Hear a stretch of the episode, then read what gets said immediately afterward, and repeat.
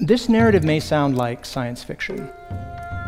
But the special part of it is behind that system. Where does that leave free will? Because we all think we have a choice of whether to do things or not to do things. It's like somewhere along the line I got brainwashed or something. Transmitter goes up to the satellite. Old technology, nothing special.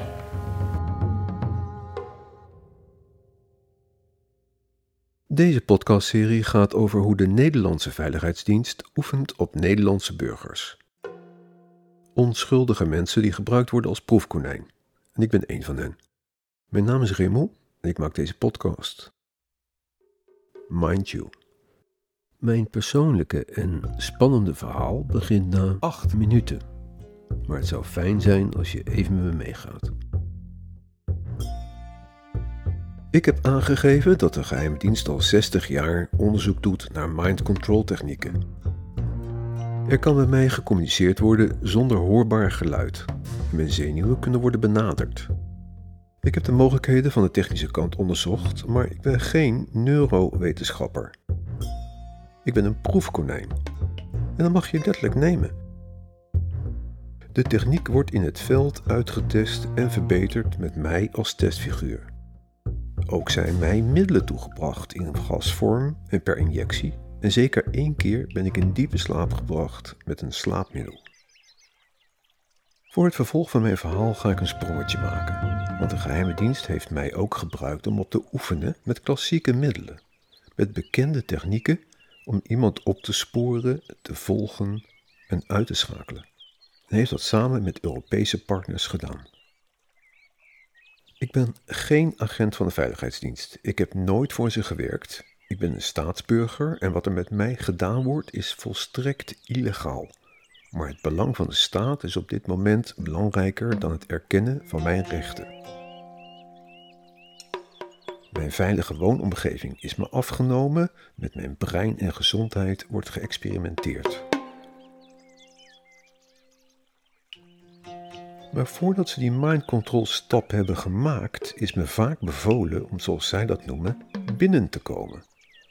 Ook daarvan heb ik aangifte gedaan bij de Nederlandse politie, die dat overigens beter begreep dan ik zelf. Ik moest binnenkomen, maar waar? De AIVD heeft mij zelfs met twee personen opgewacht en verzocht mee te gaan. Hoe dat kan, kom je in de volgende afleveringen te weten maar nu gaan we terug in de tijd naar Frankrijk. Aflevering 2, Dwang. Voordat ik deze tijdsprong maak, wil ik je nog iets vertellen over je brein en je dromen. Mijn persoonlijk verhaal komt zo. Heb je nog een klein beetje geduld? De Nederlandse Veiligheidsdienst werkt aan een verhoortechniek waarbij je in je slaap wordt verhoord. Het laten vuren van je zenuwen maakt deel uit van deze verhoortechniek. Met pijnprikkels en met stimuli worden deze zenuwen getriggerd. Ze proberen deze techniek te perfectioneren, zodat deze ook overdag is in te zetten als je wakker bent. Maar hoe reageer je? Door te mompelen, zodat het antwoord met een verborgen microfoon is op te nemen? Of omdat je brein gelezen kan worden en er tweewegcommunicatie is? De onderzoeken van DARPA laten zien dat het al kan. De geheime dienst doet dingen en kan dingen die wij niet kunnen. En niet weten. Karen Concolly is een wetenschapper en doet onderzoek naar dromen en lucide belevingen.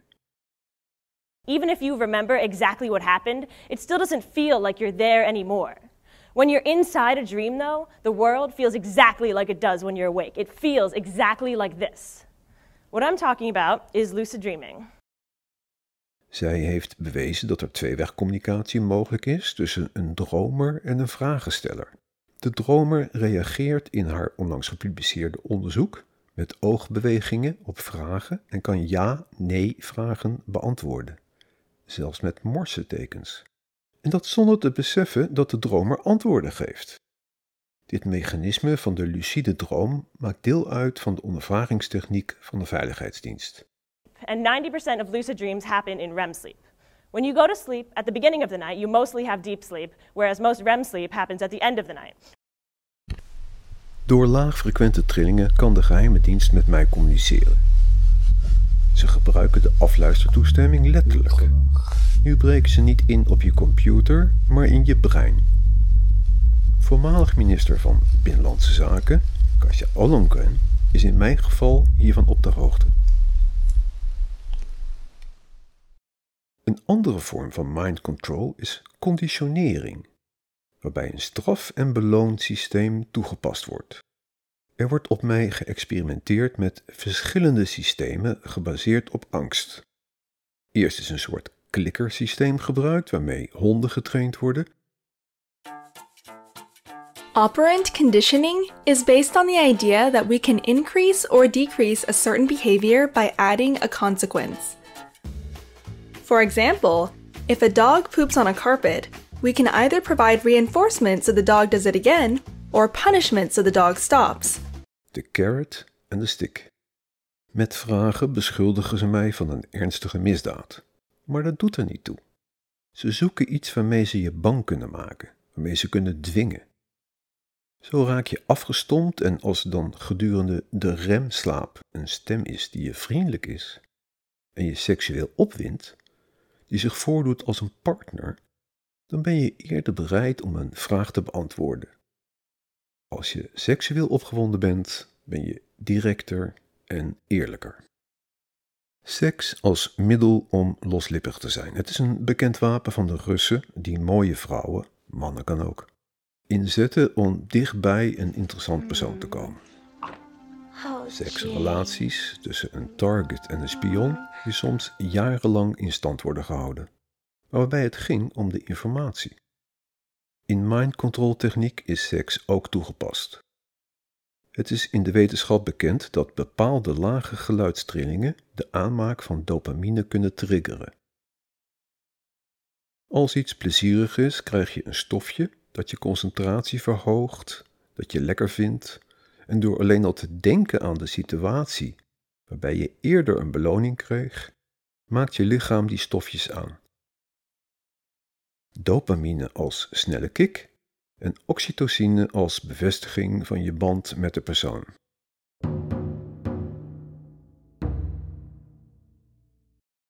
Als het beantwoorden van een heimelijk gestelde vraag beloond wordt met een lekker stofje, ga je je onbewust richten op het geven van antwoorden en het ontwijken van leugens of zwijgen. Je raakt verslaafd aan jezelf en je bouwt een band op met je ondervrager. In plaats van verzet creëer je met je eigen brein afhankelijkheid aan de situatie die je eigenlijk zou moeten vermijden. Voor de terugkomende vragensteller een ideale situatie. Want er komen nog meer nachten waarin je in je eigen bed, in je eigen huis zal worden ondervraagd en je ook antwoorden geeft. Oké, ik hoop dat je me tot hier gevolgd hebt. Nu mijn eigen verhaal. We gaan elf jaar terug en ik lees je soms voor uit door mij geschreven boek. In 2011 heb ik een oud huis gekocht in Frankrijk. Een heel klein dorpje met een handvol bewoners in een berggebied. Prachtige omgeving met beukenbossen, bergtoppen, woeste rivieren. Mijn uitzicht was formidabel. Ik ben daar enkele jaren later naartoe geëmigreerd en probeerde me in te passen in de lokale Franse omgeving. De bergen kende ik al. Als alpinist heb ik in heel Europa geklommen. En mijn huis gaf me mogelijkheden. Met een installatie aan de muur had ik een internetverbinding en ik schreef op een Nederlands forum leesbare en vaak accurate stukken over de EU en de perikelen rond de Brexit. Soms schreef ik zelfs vooruitziend en alles klopte. Ik keek satelliet-tv met Nederlandse zenders en het Nederlandse nieuws kon ik ook volgen. En ook Franse zenders. Deviens un irresponsable. Un irresponsable n'est plus un citoyen. Mijn leven bestond verder uit het bakken van brood, de groentetuin en de verzorging van mijn 70 kilo zware hond, die met zijn dikke vacht het liefst in de sneeuw bleef liggen, een ras die vroeger werd gebruikt om de wolven weg te jagen. Ik had het prima naar mijn zin.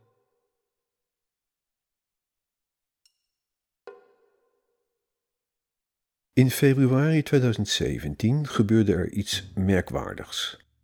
In mijn besneeuwde afgelegen dorpje was ik bij mijn auto aan het werk toen een man en een vrouw met een hond aankwamen lopen. Veel wandelaars komen er niet op mijn weggetje en omdat mijn hond even een kijkje ging nemen bij hun hond, sprak ik ze aan in het Frans. Ze keken elkaar even aan. De man gaf een knikje en ze vertelden me dat ze Duitsers waren op vakantie en dat ze op een camping stonden in een naburig dorp. Terwijl de man op zijn telefoon mij een wandelkaart liet zien van de omgeving, begon de vrouw met een spiegelreflexcamera foto's te maken. Eén van mijn hond, maar daarna heel veel van mij. Niet één, maar wel tien, gericht op mijn gezicht en ze draaiden om mij heen. Van alle kanten. Ik vond het raar, maar ik zag geen verband. Ik vond wel dat er een vreemd accent in hun Duits te bespeuren was. Toen ik in vloeiend Duits een gesprek aanging met de man, siste de vrouw in het Frans hem toe om het kort te houden. De volgende dag ging ik naar de camping met een smoes. En al snel kwam ik op de plaats waar de kampeerders hadden gestaan, maar ze waren al vertrokken. De Franse buurman vond ze een beetje vreemd, het waren Fransen. Frans kenteken, spraken Frans. De beschrijving van het tweetal en de hond klopte precies. Fransen die mij op de foto namen. Het begin van de ellende. Er gebeurde in de periode na deze ontmoeting een tijd niets raars en ik was het alweer vergeten. Totdat ik tijdens een uitzending van de NOS-journaal ineens mijn naam hoorde noemen. Raymond, de presentator sprak gewoon zijn berichten uit, maar tussen de woorden door hoorde ik mijn naam dwingend zeggen. Raymond? Ik stond perplex. Dat kan toch niet? De presentator sprak me aan, was ik gek geworden? Ik dwong mijzelf er niet op te letten, maar ik werd steeds opnieuw aangesproken. En als ik goed keek, zag ik dat het nooit lipsynchroon was. Er was iets gedaan met de stem van de presentator. Een laag van geluid was over de bestaande uitzending heen gelegd. Alweer stemmen. Nu verstopt in een geluidslaag. Ik heb het in mijn klacht bij de CTIVD benoemd en nee, er was helemaal niets met mij aan de hand. Ik had een gewoon gereguleerd leven. Multiplexing in network means multiple signals are combined together and thus travel simultaneously over one link. Hoe dat multiplexen en subliminale boodschap technisch kan, weet ik niet. Ik dacht toen dat ik een gemodificeerd tv-toestel had. Maar logischer is dat het satellietsignaal wat gericht is op de schotel, is voorzien van een extra geluidslaag. Stemgeluid van een persoon is kunstmatig geheel na te bootsen. Zo zijn er oplichtingszaken geweest waarbij de boekhouder gebeld werd door de directeur met de opdracht om geld over te maken. De boekhouder voerde dat uit omdat hij echt dacht de stem te herkennen was een directeur, maar dat was dus een oplichter. Op mijn website staan de links. Website mindyou.eu met een streepje in het midden. Ik kreeg met de stem van een bekende Nederlandse presentator kleine opdrachtjes. Er begon een soort spel, een game. Ik moest wat doen en als ik het uitvoerde kreeg ik een reactie. Het was geen tweewegcommunicatie, maar ik kreeg dan een reactie in de televisieuitzending als goed gedaan, Remmel. Of ik het nu negeerde of niet, het was er. Ik moest mijn computer onderzoeken, ik moest hem scannen op verborgen microfoons, ik moest de luiken dicht of open doen. En voordat ik de tv aanzette, moest ik de stroom in het hele huis uitdoen, alleen de satellietontvanger en de tv mochten aanstaan, maar bijvoorbeeld de koelkast moest uit. Het was bizar, maar ik was ook nieuwsgierig naar wat hier aan de hand was. Het was spannend, geheim en onbekend. Ik kreeg ook veel informatie. Achteraf betreur ik dat ik inging op de opdrachtjes, maar het leek me een sociaal spel, een game in die tijd.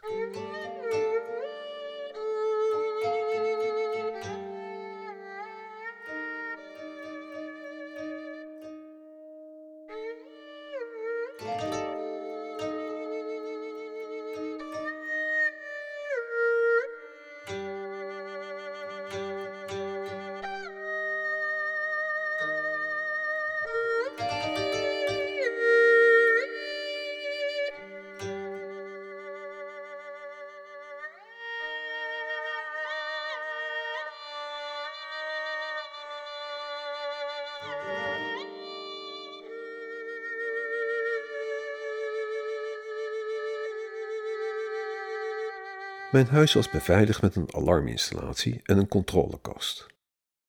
Ik kreeg op een dag de opdracht om die te onderzoeken. En ik was stom verbaasd, want de interne accu was losgemaakt en die connectoren zijn heel stevig en het geheugen was gewist. Iemand was tijdens mijn afwezigheid binnen geweest, had mijn alarm onklaargemaakt en de sporen gewist. Ik sprak er met niemand over, maar ik was overtuigd dat ik niet plotseling gek was geworden, dat er iets vreemds aan de hand was. Dat ik te maken had met een partij die in staat was dit soort dingen te doen. Maar waarom lieten ze me dit weten? Tot een Franse bejaarde buurtbewoner me waarschuwde dat er vreemde mensen in het huis van mijn buren zaten. Gevaarlijke mensen, zei hij. Ik wist niet wat hij bedoelde en lachte erom, maar zijn ogen bleven serieus.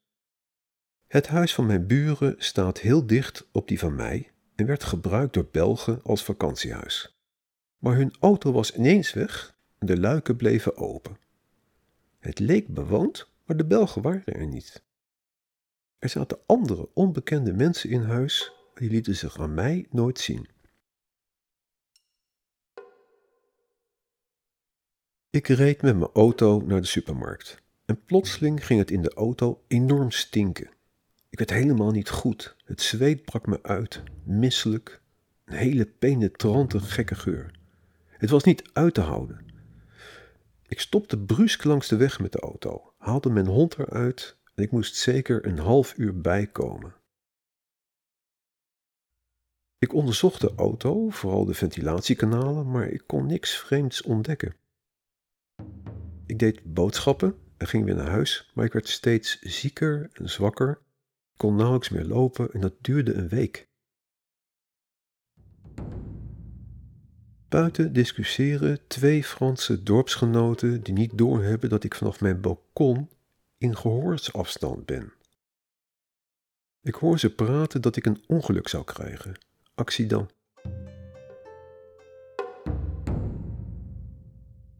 Maart 2017. Ik ga naar de dierenarts met mijn hond. De rit gaat over een kronkelige bergweg. Het is zonnig, lekker weer. Ik heb via de presentatorstem de opdracht gekregen om te rijden met mijn raam van de auto open. Omdat ik bang ben voor een gasaanval, doe ik dat ook. Op de rustige bergweg voor een bocht zijn werkzaamheden. Er lopen mannen rond in oranje pakken die wat vaags doen met takken. Ze staan aan twee kanten van de weg.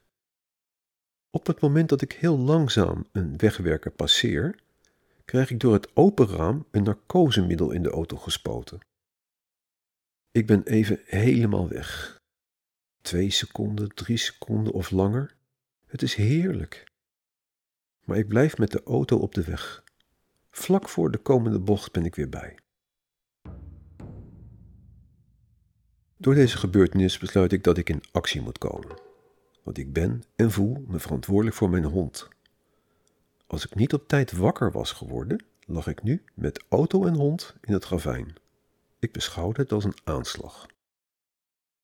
Als ik later weer in mijn dorp ben, zie ik buurtmensen verbaasd kijken en praten over het accident dat niet heeft plaatsgevonden. Woorden die ze een jaar later nog eens zouden gebruiken. Een aantal dagen later stonk het in mijn huis en de geur was alarmerend. Het was dezelfde geur die mijn spieraansturing stoorde. Het was een neurologisch gas, een strijdgas. Ik kon niet meer helder denken, niet meer goed bewegen en instinctief vluchtte ik naar de keuken. En plotseling stond daar een man achter mijn getraliede raam. Ik kon hem in de nacht maar vaag zien, maar hij zei mij in het Frans dat zij de baas waren in Frankrijk. Fragment dagboek 22 april 2017, Frankrijk, Lidl. Ik reed met mijn auto naar de supermarkt. Ik wilde een simkaart kopen en een telefoon. Tijdens de rit van ongeveer 45 minuten werd ik continu door een aantal auto's achtervolgd over de bergweg.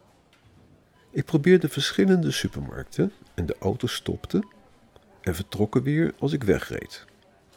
Ik reed daarna naar de Lidl Daar deed ik ook boodschappen en ik stond met mijn wagentje bij de kassa te wachten. Achter mij in de rij stond een kleine, kale man. En ineens werd ik helemaal ziek. Zweet brak me uit en ik kreeg hele sterke vluchtreactie.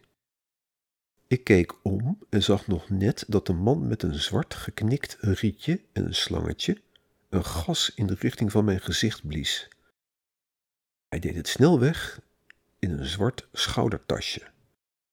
Omdat ik het zag, liet een tweede agent, een lange man die bij een andere kassa stond, rechts van mij, zien dat hij bewapend was. Hij had een pistool in zijn okselhouder. De man achter mij zei in het Frans: Waarom ga jij naar zoveel supermarkten? Ik vluchtte de winkel uit en liet alle boodschappen op de band in de kar achter. Terug naar mijn berghuis, zonder telefoon en zonder eten. De Fransen begonnen ook met mij te communiceren. C'est nous, zeiden ze als ik ze tegenkwam. Ze reden langzaam langs met de auto, raampje naar beneden.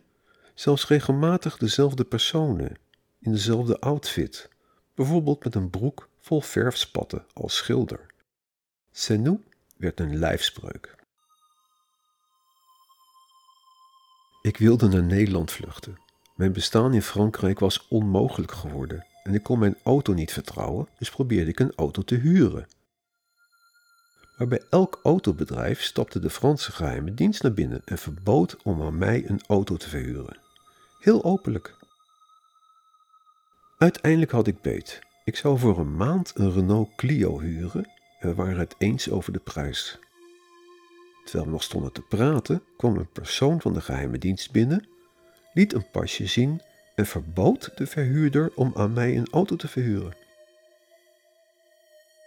De verhuurder was verbaasd, maar ook boos. Klootzakken zijn het, zei hij. Ik heb het al zo moeilijk, maar ik kreeg de auto niet meer mee. In de winkel waar ik altijd kwam, kreeg ik geen bouwmaterialen meer. Ze mochten me geen service meer verlenen. Geen dienst verlenen, zeiden ze. Er volgde nog een gasaanval in mijn huis, die zo heftig was dat ik blij ben het te hebben overleefd, maar waarbij ik zoveel neurologische problemen kreeg dat ik alleen nog maar rondjes kon draaien. Dit was zo vreselijk dat ik er ook nu nog niet over kan praten. In mijn boek beschrijf ik wel de gebeurtenis. De bron van dit strijdgas heb ik niet kunnen vinden. Wel heb ik een sample meegenomen later die ik heb laten ruiken aan een kennis. Maar veel wezenlijker was dat er door de geheime dienst een vernuftig spel werd gespeeld, waarbij ik uiteindelijk de schuldige zou zijn. En ik trapte er met open ogen in. En dat ging zo. Er werd mij gezegd dat de Fransen lucht hadden gekregen van de vorm van communicatie die gebruikt werd. Ik mocht op een gegeven moment niet meer met de tv op een bepaald zender afstemmen. Niet meer op kanaal 1. Ik keek op alle kanalen behalve op kanaal 1. Maar plotsklaps kreeg ik de opdracht om dat wel te doen. Zet hem op 1 was de opdracht. Ik voerde dat uit. Ik vond het vreemd, maar ik dacht dat zij waarschijnlijk wel wisten waarom dit was gewijzigd. En toen ging het mis. Ik zag op mijn tv een controlekamer met allemaal monitoren en een man en de man keek vreemd op. Ik trok meteen de kabel uit de ontvanger, maar later kreeg ik het verwijt dat ik deze techniek verraden had aan de Fransen. Ik was een verrader en ik voelde me heel schuldig maar ik had wel letterlijk uitgevoerd wat er gevraagd werd. En met dat schuldgevoel bleef ik zitten. En alles wat daarna volgde had te maken met de fout die ik zogenaamd gemaakt had in Frankrijk. Met het afstemmen van de tv op kanaal 1. Maar nu kan ik relativeren, want het was een methode om mij onder druk te zetten en me schuldig te laten voelen. Pas jaren later kwamen ze met de moordbeschuldiging op huisjesmelker Hans op de proppen. Waarschijnlijk om mij weer onder druk te kunnen zetten, want daardoor ondernam ik niet de actie die gewenst was, zoals het vertellen van mijn verhaal. En konden ze me op alle mogelijke manieren misbruiken om op te oefenen. Want de Franse geheime dienst deed eigenlijk precies hetzelfde als de Nederlandse dienst. Ze oefenden op mij. Fransen en Nederlanders, ze werkten samen. Ik werd gedwongen om iets te ondernemen. Ik werd Frankrijk uitgejaagd. Winkels wilden me niet helpen. Ik kon geen auto huren. Door de gasaanvallen kon ik niet in mijn huis blijven en mijn auto was onklaargemaakt. Via de tv werd mij verteld dat het de bedoeling was dat ik naar Nederland moest zien te komen. Alles was geoorloofd. Er werd wel gezegd dat je niks illegaals mocht doen, maar in Nederland aankomen was duidelijk belangrijker dan hoe je het dan aanpakte. Ik was ook niet de enige die teruggeroepen werd. Ze deden net alsof ik onderdeel uitmaakte van een groep. Er waren erbij die een auto stalen en terugreden naar Nederland of iemand dwongen om te rijden. Het was bijna een wedstrijd. Je kreeg ook punten. Het leek een bizarre manier van recrutering, waarbij alles op afstand en virtueel bleef. En op angst gebaseerd. Zekerheid had je niet. Stem. Voor digitale veiligheid had je een 10. Stem. Je bent niet aangenomen. Uiteindelijk ben ik met rugzak en hond vertrokken, lopend, met te weinig eten en met slechte, haastig bijeengegrepen uitrusting in een rugzak. Toen ik vertrok, wandelden twee buurtbewoners langs en zeiden me dat ik de hond kon achterlaten. Daar zouden zij wel voor zorgen, dan had ik nog een kans. Huh? Terwijl ik door de bergen trok en het is nog winter, probeer ik uit handen te blijven van getrainde mensen die me traceren en proberen te onderscheppen in de bergen en bossen. Er is uitgebreid op mij geoefend terwijl ik met mijn hond en rugzak door bossen en bergen vluchtte. In mijn boek beschrijf ik dit. Met de modernste technologie kosten nog moeite werden gespaard. Drones, mannen in camouflagepakken, rode lichtpuntjes op wapens, cirkelende helikopter, een waterbron die helemaal zuur was, elektronische sensoren die mijn positie verraden, valstrikken. Soms herkende mijn hond er een en stuurde me hardtrekkend aan de lijn van het pad af, eromheen. Maar het viel niet mee om uit het hoofddal te komen. In de bergen is er altijd maar één weg en die is te controleren. Het lukt me niet om ongezien met hond Frankrijk te verlaten. En na een week ga ik terug naar mijn bergwoning. Dit was 2017. In Nederland draaide jaren later een tv-serie waarbij recruten van de Veiligheidsdienst proberen te vluchten voor de hunters die ze achterna zitten. Dit was zoiets, maar dan echt. Veel gevaarlijker en roekelozer.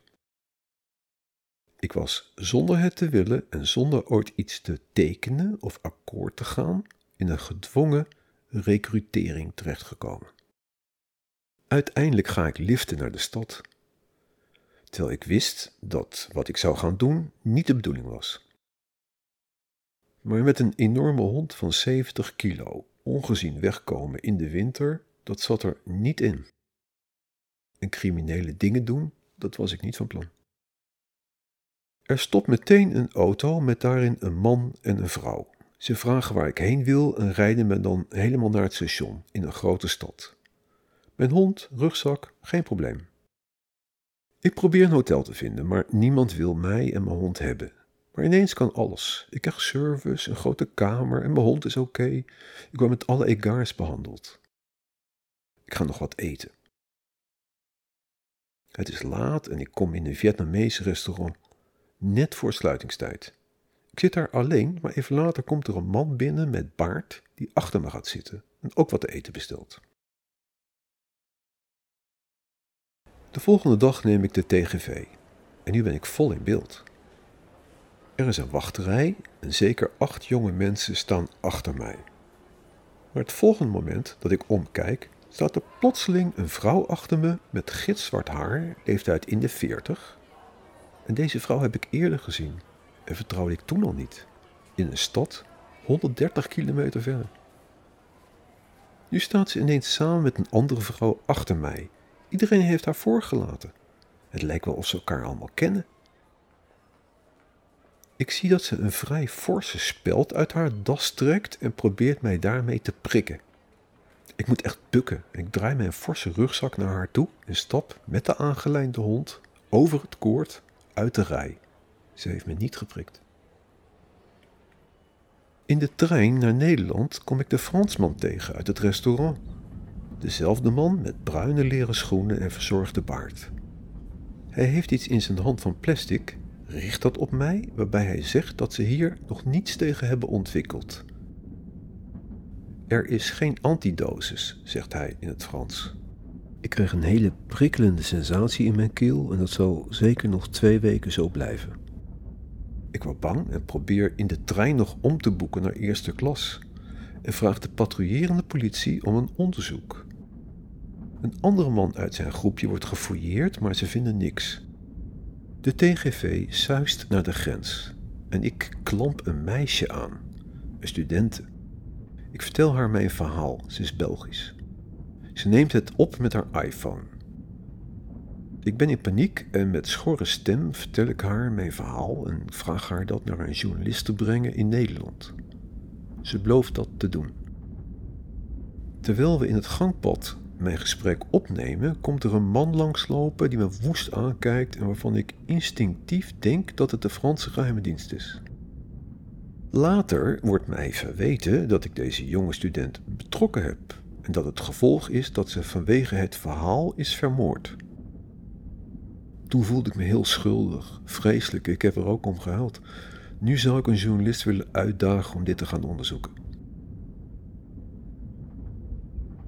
En zo kom ik in Nederland aan, waar ik vrij snel met ernstige darmontstekingen in een ziekenhuis word opgenomen en pas een maand later kan gaan revalideren in een huurhuis.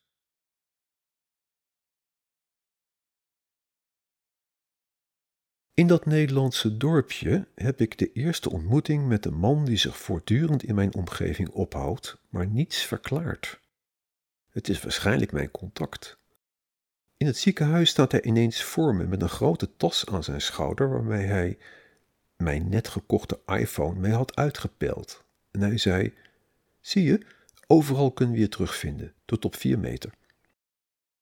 Ik zie hem later ook hevig nee knikken als ik met een andere prepaid-telefoon wil bellen op een plein. En ook in andere steden ga ik deze snorremans uh, terugzien, soms verkleed als timmerman of als visser aan de waterkant. Een erg snuggere indruk krijg ik niet van hem en hij krijgt ook geen grip op mij. In datzelfde huurhuis stond ook een tv, die aanstond terwijl ik iets aan het doen was op mijn iPhone. Plots hoorde ik de stem van een bekende presentatrice zeggen dat mijn telefoon niet uitstond. Ik schrok me dood. Ik had niet verwacht dat ik ook in Nederland met deze techniek zou worden geconfronteerd. Ik moest het schuifje op het scherm dicht doen. Ik wist eerlijk gezegd niet hoe het werkte. Dit was mijn eerste iPhone. Ze herhaalde nog eens vriendelijk hoe ik dat moest uitvoeren. De manier om met mij contact op te nemen in Frankrijk met behulp van de tv werd ook hier ingezet. Zo kreeg ik weer veel informatie.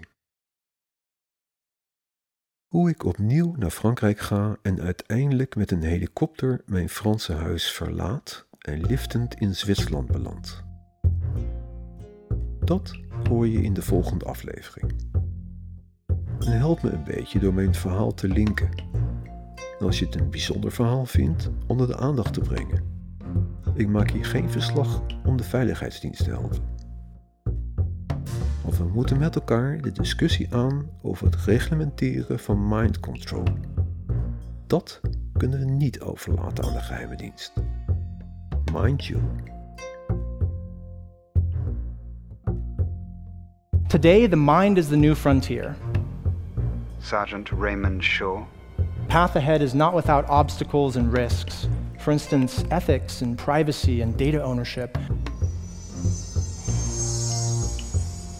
all must be addressed for the emerging neurotech domain. Computers are better than we are as human beings, but the special part of it is behind that system. Yes. Listen.